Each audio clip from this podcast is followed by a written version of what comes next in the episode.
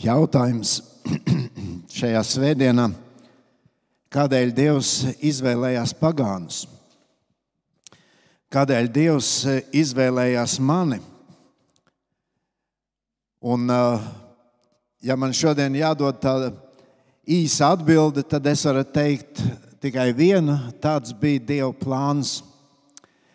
Dieva plāns, ka Viņš izvēlējās mani.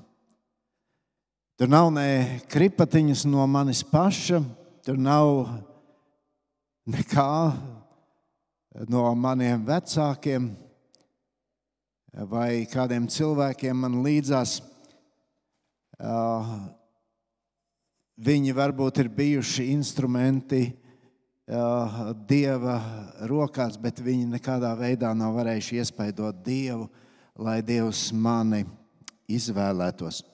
Tāds bija Dieva plāns. Un, protams, šis jautājums jau uh, skanēs cauri arī šiem Bībeles pantiem, mēs, pie kā mēs šodien apstāsimies. Un, es ceru, ka pie Dieva vārda patiesībām kavējoties, kurš man šajā reizē likās daudz, daudz dziļāks nekā tikai vienkārša atbilde uz šo jautājumu. Mēs sadzirdēsim atbildi arī uz šo jautājumu, kurš ir mūsu priekšā, kādēļ Dievs izvēlējās pagānus. Un, man liekas, ir ļoti svarīgi, tad, kad, tad, kad mēs apstājamies pie Dieva vārda, svarīgi ir lūgt, lai Dievs palīdz mums šo vārdu pieņemt pazemībā un lēnprātībā. Un, Anete, paldies tev par uh, dziesmu izvēli šajā dienā. Uh, pirmajā dziesmā bija šie vārdi, patiesais vārds, kas mums vajadzīgs.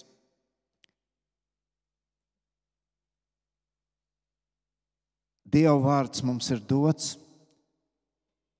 bet vai esam gatavi to pazemībā un lēnprātībā pieņemt? Apostols Jēkabs pirmajā nodaļā saka, ka ka lēnprātībā saņemiet jūsos iedēstīto vārdu. Tas ir spējīgs izglābt jūsu dvēseles. To ir vienmēr ļoti svarīgi atcerēties, kādai ir jābūt mūsu attieksmei pret Dievu vārdu. Noliec malā kritiku. Noliec malā varbūt tās sajūtas, kas šodien ir tevi, tās izjūtas, tās aizdomas par daudzām lietām. Tuvojies Dieva vārdam kā patiesībai. Un šajā rītā mēs apstāsimies pie teksta no Romiešu vēstules 11. nodaļas. Es lasīšu no 11. līdz 24. pantam. Jūs varat atvērt Bībeles, sekot līdzi. Es lasīšu no jaunā tulkojuma. Jums tur priekšā ir iepriekšējais, bet um, tas jau būtību nemaina. Uh, romiešiem 11 no 11. panta līdz 24. Tad es jautāju, vai tie nav paklupuši, lai kristu pavisam? Nu, protams, nē bet caur viņu krišanu pestīšana ir tikusi pagāniem, lai Izrēlu darītu greizsirdīgu. Bet, ja viņu krišana ir pasaulē bagātība un viņu zaudējums bagātība pagāniem, cik lielāka bagātība viņu pilnums? Jums, pagāniem, es saku, tā kā es esmu pagānu apustulis Es turu godā savu kalpošanu, lai cerams darītu greizsirdīgus tos, kas ir manējie pēc miesas, un lai izglābtu dažus no viņiem. Ja jau viņu atmešana ir pasaulē izlīgums, kas gan cits būs viņu pieņemšana, ja ne mirušo atdzīvošanās? Ja pirmā raža ir svēta, tad arī visa mīkla ir Un ja sakne ir svēta, tad arī zari. Ja daži zari ir nolausti, bet tu zars no savvaļas olīvu koka uzpotēts to vietā. Esi saņēmis daļu no dārza olīvu koka saknes treknuma, tad nelielies citu zaru priekšā. Bet, ja lielies, tad zini, nevis tu nes sakni, bet sakne tevi. Tu gan sacīsi, zari tika nolausti, lai es tiktu uzpotēts. Tas tiesa. Neticības dēļ tie tika nolausti, bet tu stāvi ticības dēļ. Nē, esi tādēļ augstprātīgs, bet esi bijīgs. Ja Dievs nav taupījis dabīgos zarus, Viņš arī tevi var nesaudzēt. Redzi, kāda ir Dieva laipnība un Dieva bardzība. Pret tiem, kas krituši, ir Dieva bardzība, pret tevi Dieva laipnība. Ja vien tu tajā neatlaidīgi paliec, citādi arī tevi nocirtīs. Un arī viņi, ja nepaliks neticībā, tiks uzpotēti, jo Dievs spēja viņus uzpotēt no jauna. Ja jau tu esi nocirsts no olīvu koka, kas pēc dabas ir savvaļas un pret savu dabu uzpotēts dārza olīvu kokam, cik gan vairāk tie tiks uzpotēti savā pašu olīvu kokā. Ļoti skaisti salīdzinājumi. Tajā pašā laikā uh, bieži vien vārdi, ko apustulis Pāvils saka, tie ir tādi biedējoši un varbūt liek mums nedaudz nodarbēt. Bet uh, apustulis Pāvils šeit runā par uh, līdzīgu situāciju, kāda, ar kādu sasta, saskārās nu, es gribu teikt, manas paudzes cilvēki, draudzēs. Un savā ziņā, nu, kā mēs šodien sakām, tas padomi laiks un baptistu draudzes, tās bija tādas savā ziņā noslēgtas kopienas. kopienas. Mēs nācām kopā, mums bija labi ar tādām zināmām aizdomām, uz viņiem skatījās. Un tur bija varbūt uh, tādām zināmām aizdomām, uz viņiem skatījās. Un tur bija varbūt uh, kāda iemesla, kāpēc to darīja. Un, un, uh, varbūt šie cilvēki neuzvedās tā, kā tas bija baznīcā ierasts. Varbūt viņi neģērbās tā, kā tas bija ierasts. Un tad eh, cilvēkiem draudzē sāka likties, nu, bet mēs esam tie pareizākie, mēs esam tie patiesākie kristieši. Situācija bija arī Romā, un par to mēs šodien domāsim. Šajos pantos apustulis Pāvils skaidro, kas notiek tad, kad evaņģēlijas darbojas. Evangelijas maina cilvēkus, maina viņu domāšanu. Evangelijas aizved mūs pie žēlastības, un žēlastība rada mūsos pazemību. Ja tu pazīsti Dievu, ja evanģēlijas tevi ir skāris, tad arī šodien Pāvils caur šiem vārdiem, es gribu teikt, uzrunā un atgādina mums trīs lietas, uz kurām balstīties attiecībās ar cilvēkiem un Dievu. Mēs varētu nosaukt tos savā ziņā arī par tādiem trīs brīdinājumiem, ar kuriem Pāvils griežas pie Romas kristiešiem un šodien pie mums. Pirmā lieta, ko es gribu atzīmēt, ir nepaaugstinieties. Nepaaugstinieties. Situācija Romā Mēs romiešu vēstuli šajā brīdī aplūkojam. Un mēs jau iepriekšējās reizēs par to domājam. Tur pagāni piedzīvo dieva žēlastību. Tur ir viņi, Romas draudzē, tur ir jūdi. Un savā ziņā tur bija tāda konkurence viņu starpā. Savā ziņā tā bija tāda pretestība vienam pret otru. Jūdu kristieši uzskatīja, ka viņi jau nu ir tie gudrākie. Mums ir likums, mēs tos cenšamies pildīt, mēs esam pareizākie. Jūs nē, jūs neesat īsti, jūs vēl nekā tur nesaprotat. Un pagānu kristieši dzirdot to, ko saka apustulis Pāvils, teica, nu, ko jūs vispār jūdi runājat? Jūs nodevāt Kristu. Viņš nāca pie jums, jūs viņu nepieņēmāt, nepieņēmāt jūs vispār esat atkritēji. Mēs tagad esam šeit, un mums ir tā pareizā ticība. Un Pāvils šodienas lasītajā tekstā saka, esiet uzmanīgi savā pareizībā. Esiet uzmanīgi, lai jūs nepaukstinātos. Es vēlreiz nolasīšu dažus pantus. Tad es jautāju, vai tie nav paklupuši? Pāvils šeit runā par jūdiem. Vai tie nav paklupuši, lai kristu pavisam? Nu, protams, nē.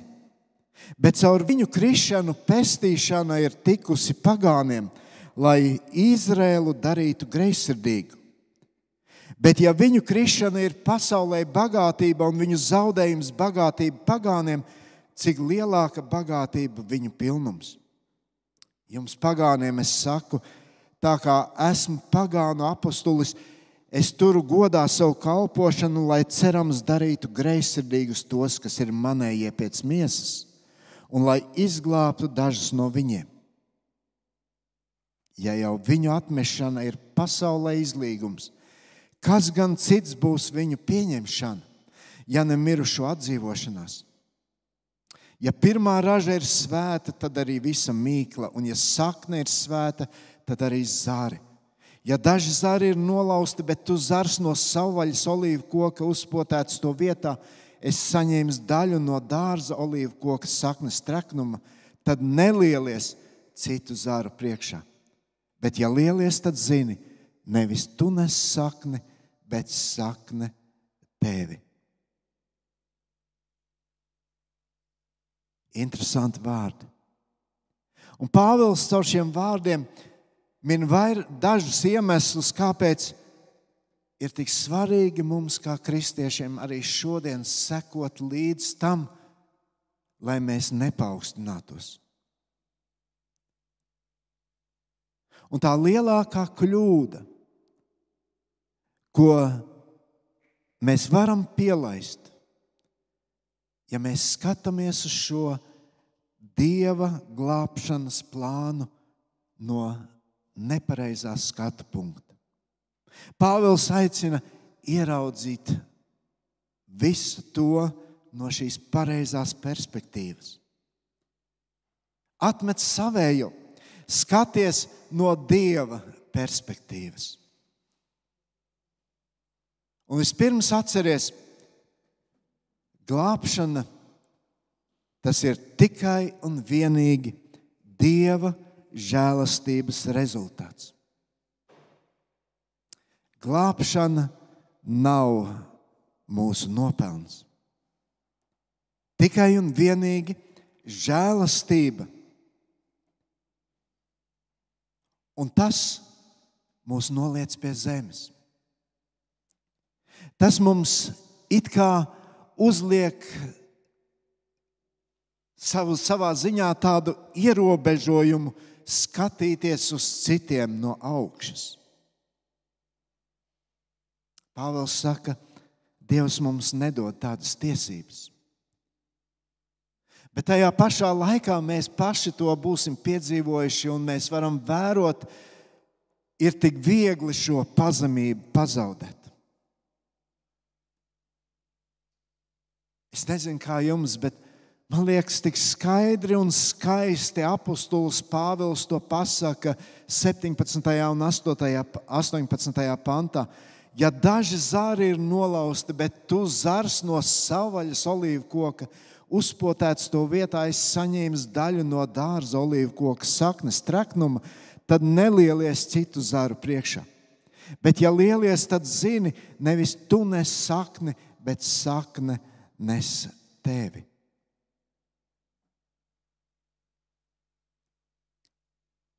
Pāvils vispirms runā par jūdiem. Un mēs zinām, jūdi bija cilvēki, kuri savā ziņā cerēja tikt glābti savu darbu dēļ. Cik tas nav iespējams, tad viņi savā gudrībā, savā prātā sacēlās pret Dievu. Un Dievs šo tautu atstūma. Dievs sāk darbu, savu žēlastības darbu pie pagāniem. Un tad kristieši Romā sāk teikt, nu, lūk, mēs tagad esam jūsu vietā. Mēs tagad esam tie izredzētie, mēs esam izglābtie, ne jūs. Bet, mīļie, atcerēsimies, mūsu glābšanā nav ne kripatiņas mūsu nopelnu. Nevis tu turi sakni tur tevi. Tas, ka tu esi kristietis, nevar būt iemesls, lai ar to lielītos, lai sevi kaut kā paaugstinātu attiecībā pret citiem. Un man liekas, šiem Pāvila vārdiem, ko viņš raksta vēstulē romiešiem, tiem vajadzētu sagraut visu mūsu lepnumu. Viss, kas jūs esat, ir tikai un vienīgi Dieva nopelns. Tas, ka tu sevi vari saukt par kristieti, tas nav tavs nopelns. Un vienalga, tu jau vari teikt, nu jā, es Bībelē esmu izlasījis 30 reizes, draugs esmu 30 gadus. Bet, zini, Pāvils varbūt ne tieši tādiem vārdiem, bet viņš šeit saka, kaut vai simt reizes lasi un simt gadus esi draudzē. Tas, kas tev ir vērtīgs, tas ir tikai caur Dieva žēlastību. Tas ir tikai tad, kad Dievs ņem tevi un lieto tevi. Es gribu dažas rakstu vietas nolasīt, kur arī par to ir runa un kurš, kuras tā īpaši to izceļ. Vēstule Efeziešiem 2. nodaļa, 8. un 9. pants. Jo žēlastībā jūs esat izglābti caur ticību. Tas nenāk no jums. Tā ir Dieva dāvana. Tas nav arī no darbiem, lai kāds nesāk dižoties. Mēs paši esam viņa darinājums. Kristu Jēzu radīti labiem darbiem, kurus Dievs iepriekš sagatavoja, mēs tajos dzīvotu. Pirmā vēstule korintiešiem, pirmā nodaļa, 27.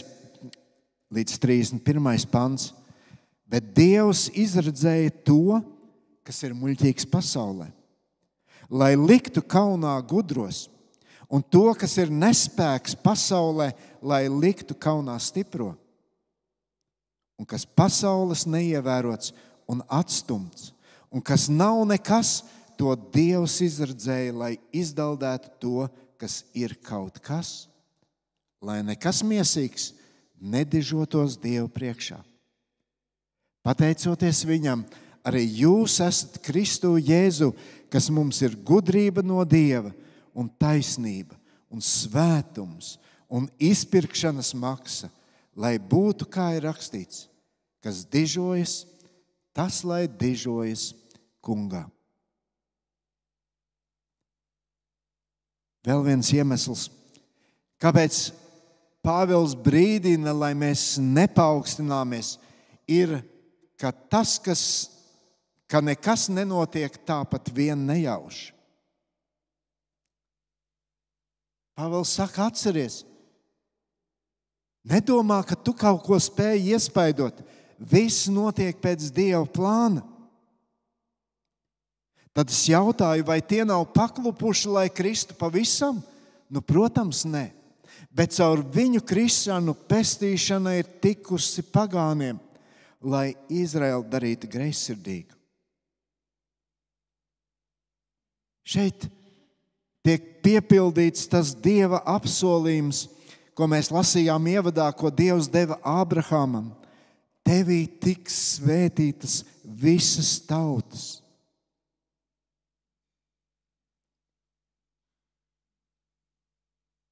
Kāpēc Dievs izvēlējās pagānus?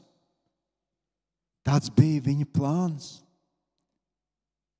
Viņš neatkāpjas no saviem plāniem, viņš neatkāpjas no saviem ap, apsolījumiem. Viņš tos negroza. Dievs izmanto cilvēka ļaunumu, lai sniegtu labumu. Mēs varam atcerēties, Jāzepu vecajā derībā.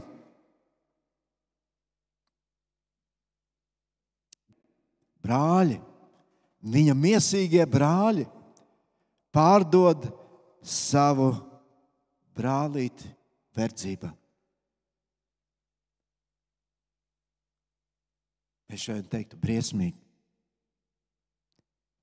Bet, kad mēs lasām tālāk, tur ir šis stāsts, kā viņam tur iet Eģiptē, un tad pienāk brīdis, kad viņš sastopas ar saviem brāļiem atkal. Un tur ir ļoti zīmīgi vārdi.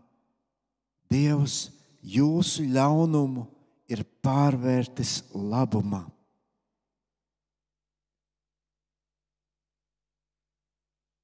Pāvils ir pārliecināts, ka Dieva plāns dāvājot žēlastību pagāniem. Tas novedīs pie tā, ka arī jūda tauta tiks izglābta. Un tāpēc tā pirmā lieta, uz ko apostols Pāvils vērš tavu un manu uzmanību šodien, viņš saka, nepaukstinieties. Nepaukstinieties iepratī tiem, kuri varbūt ir atkrituši no Dieva Nepaukstinieties iepratī tiem, kuri nepazīst Dievu. Nepaukstinieties iepratī tiem, kuri ir vāji savā ticībā. Nestādiet sevi augstāk par citiem.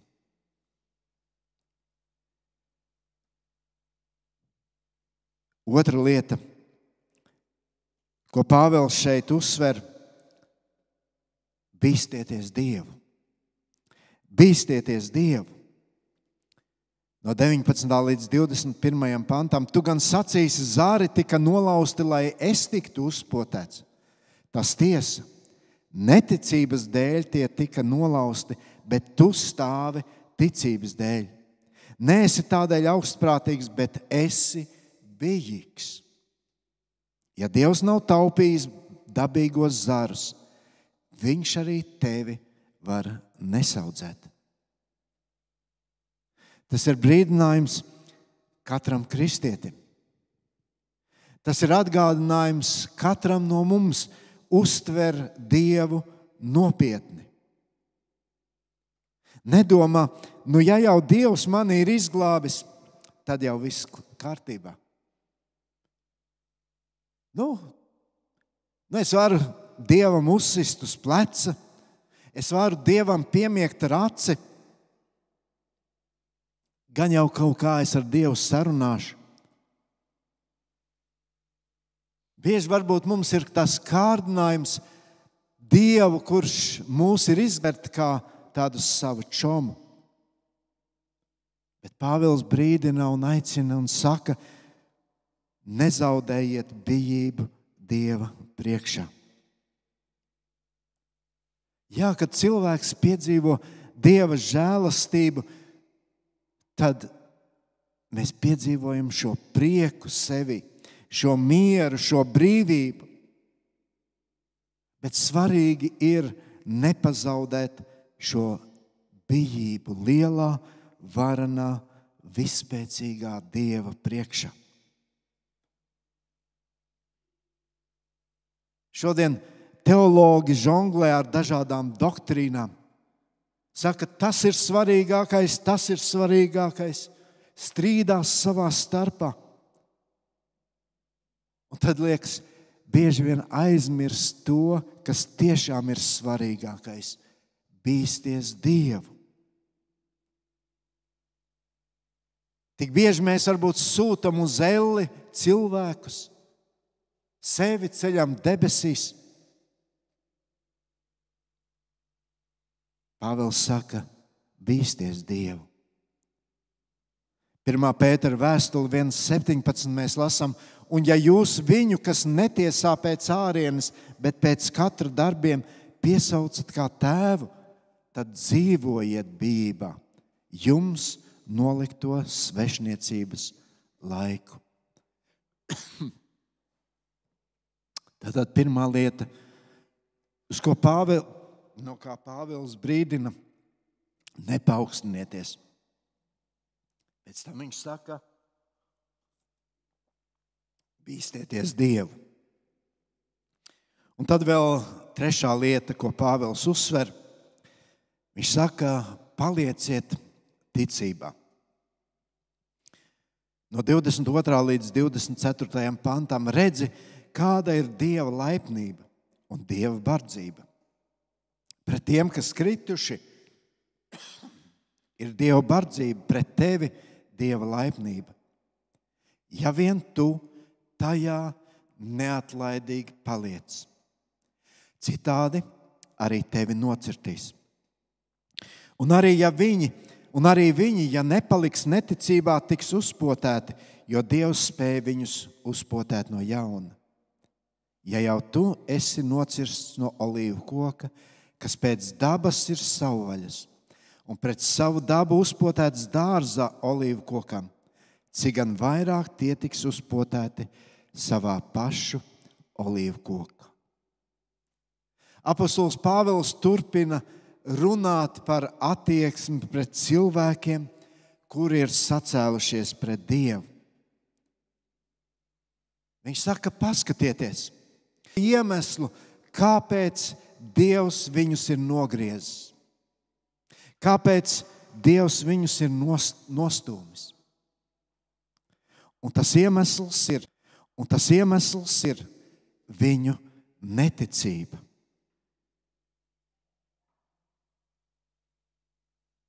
Un kāpēc pagāni Dieva laipnību ir saņēmuši?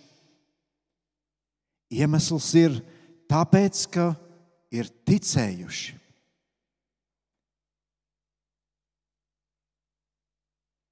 Tu stāvi ticības dēļ.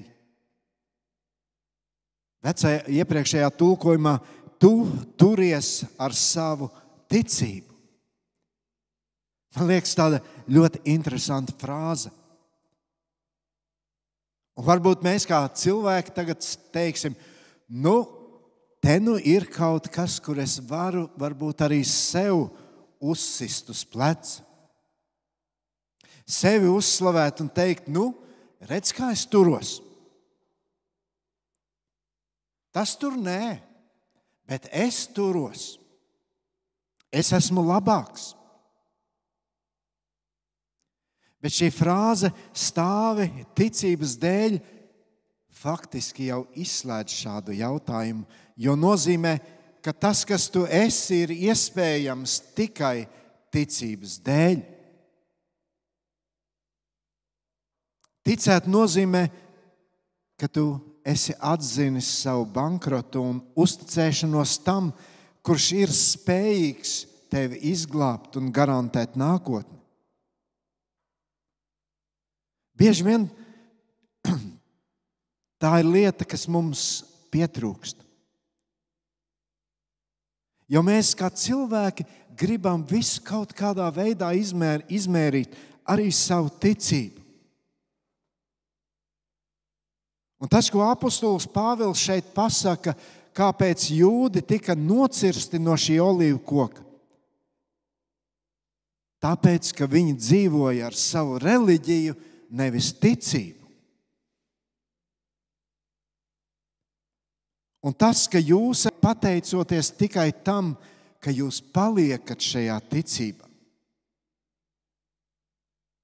bez šīs ticības, tāpat kā Izraēla tauta, arī tu tiec nocirsts no šī olīvu koka. Es gribu atgriezties kādas nodaļas atpakaļ. Un izlasīsim šos skaistos vārdus no 8. nodaļas, no 31. panta sākot,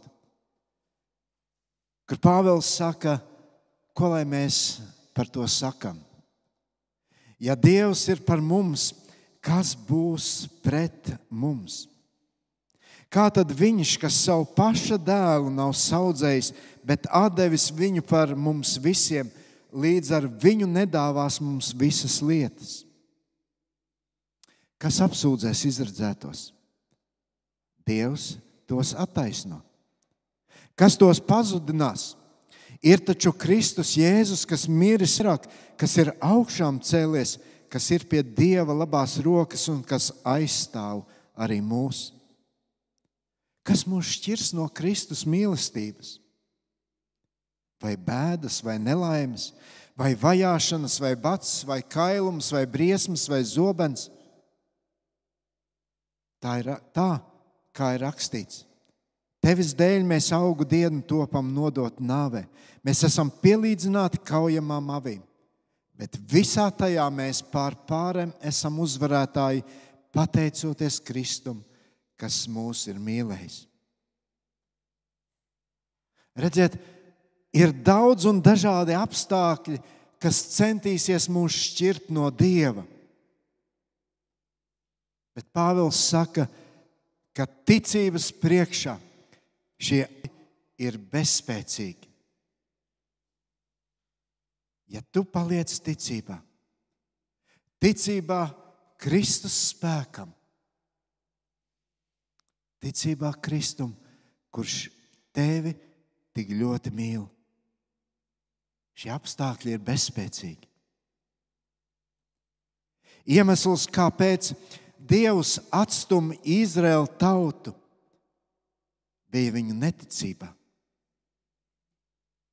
Faktiski viņi jau teica, mēs ticam, bet viņa ticība balsta pašu taisnību. Un tad nāk Jēzus. Nāk pats Dieva dēls un rāda, cik svarīgi ir būt visur un vienmēr atkarīgam no Dieva.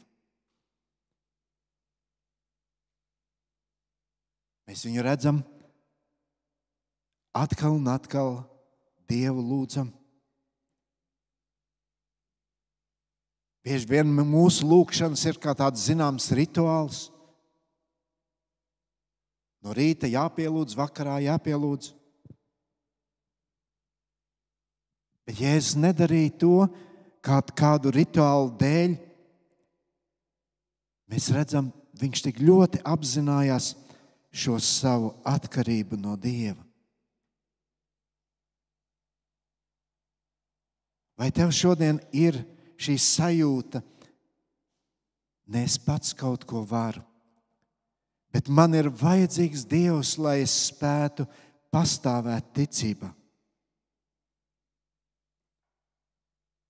Ja Dievs tevi ir izglābis, tad atceries visā pazemībā, pateicies viņam par to. Nepaukstinies salīdzinot sevi ar citiem. Bīsties Dievu. Apzinies, Dievam viss ir iespējams. Viņš visu spēj. Viņš ir varans Dievs. Staigā viņa priekšā pazemībā un paliec ticībā. Paliec ticībā un paļaujies viņam. Lūksim Dievu. Debes Tēvs, paldies, ka Tu esi tas, kurš tik ļoti mīlēja šo pasauli. Tu nāc pie savas tautas, kur tevi nepieņēma.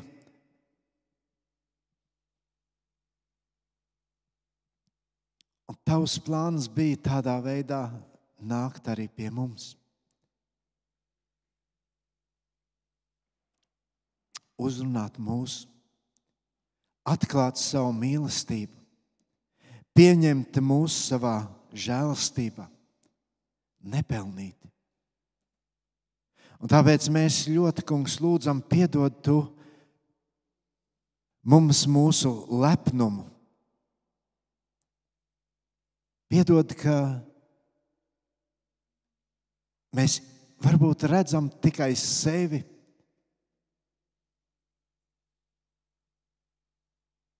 Kā to pareizāko, kā tādu, kuru varbūt Tu mīli vairāk. Piedod, ka mums trūkst bijības tavā priekšā. Un šī apziņa, ka mēs esam pilnīgi atkarīgi no tevis. Ļauj mums to ieraudzīt, ļauj mums to izdzīvot, Dievs. Un es ļoti lūdzu, kungs, stiprini mūsu ticību. Mūsu ticība, kura varbūt šajā ikdienas skrējienā ir tik maza. Bet, kungs, tu arī šajā mazajā ticībā mūs redzi. Un tu mūs uzlūko kā savus bērnus. Tu mūs turpini mīlēt. Paldies, Kungs, ka šodien mēs varam Tev pateikties, ka Tu mūs, kurš nesam to pelnījuši, Tu mūs esi izglābis. Un palīdz mums vienmēr to atcerēties, vienmēr par to pateikties. Nepelnīti izglābts. Paldies, Kungs, ka mēs tādu par tādiem varam sevi saukt. Paldies, ka šeit draudzē mēs varam būt kopā ar līdzīgiem. Nepelnīti žēlastību piedzīvojušiem. Un, kungs, es lūdzu vienotu mūsu šajā atziņā, ka mēs kalpojam varenam Dievam Palīdz mums ar bijību pieņemt tavu vārdu visā pazemībā un paklausībā. Un stiprini mūsu ticību. To lūdzam Jēzus vārdā. Amen.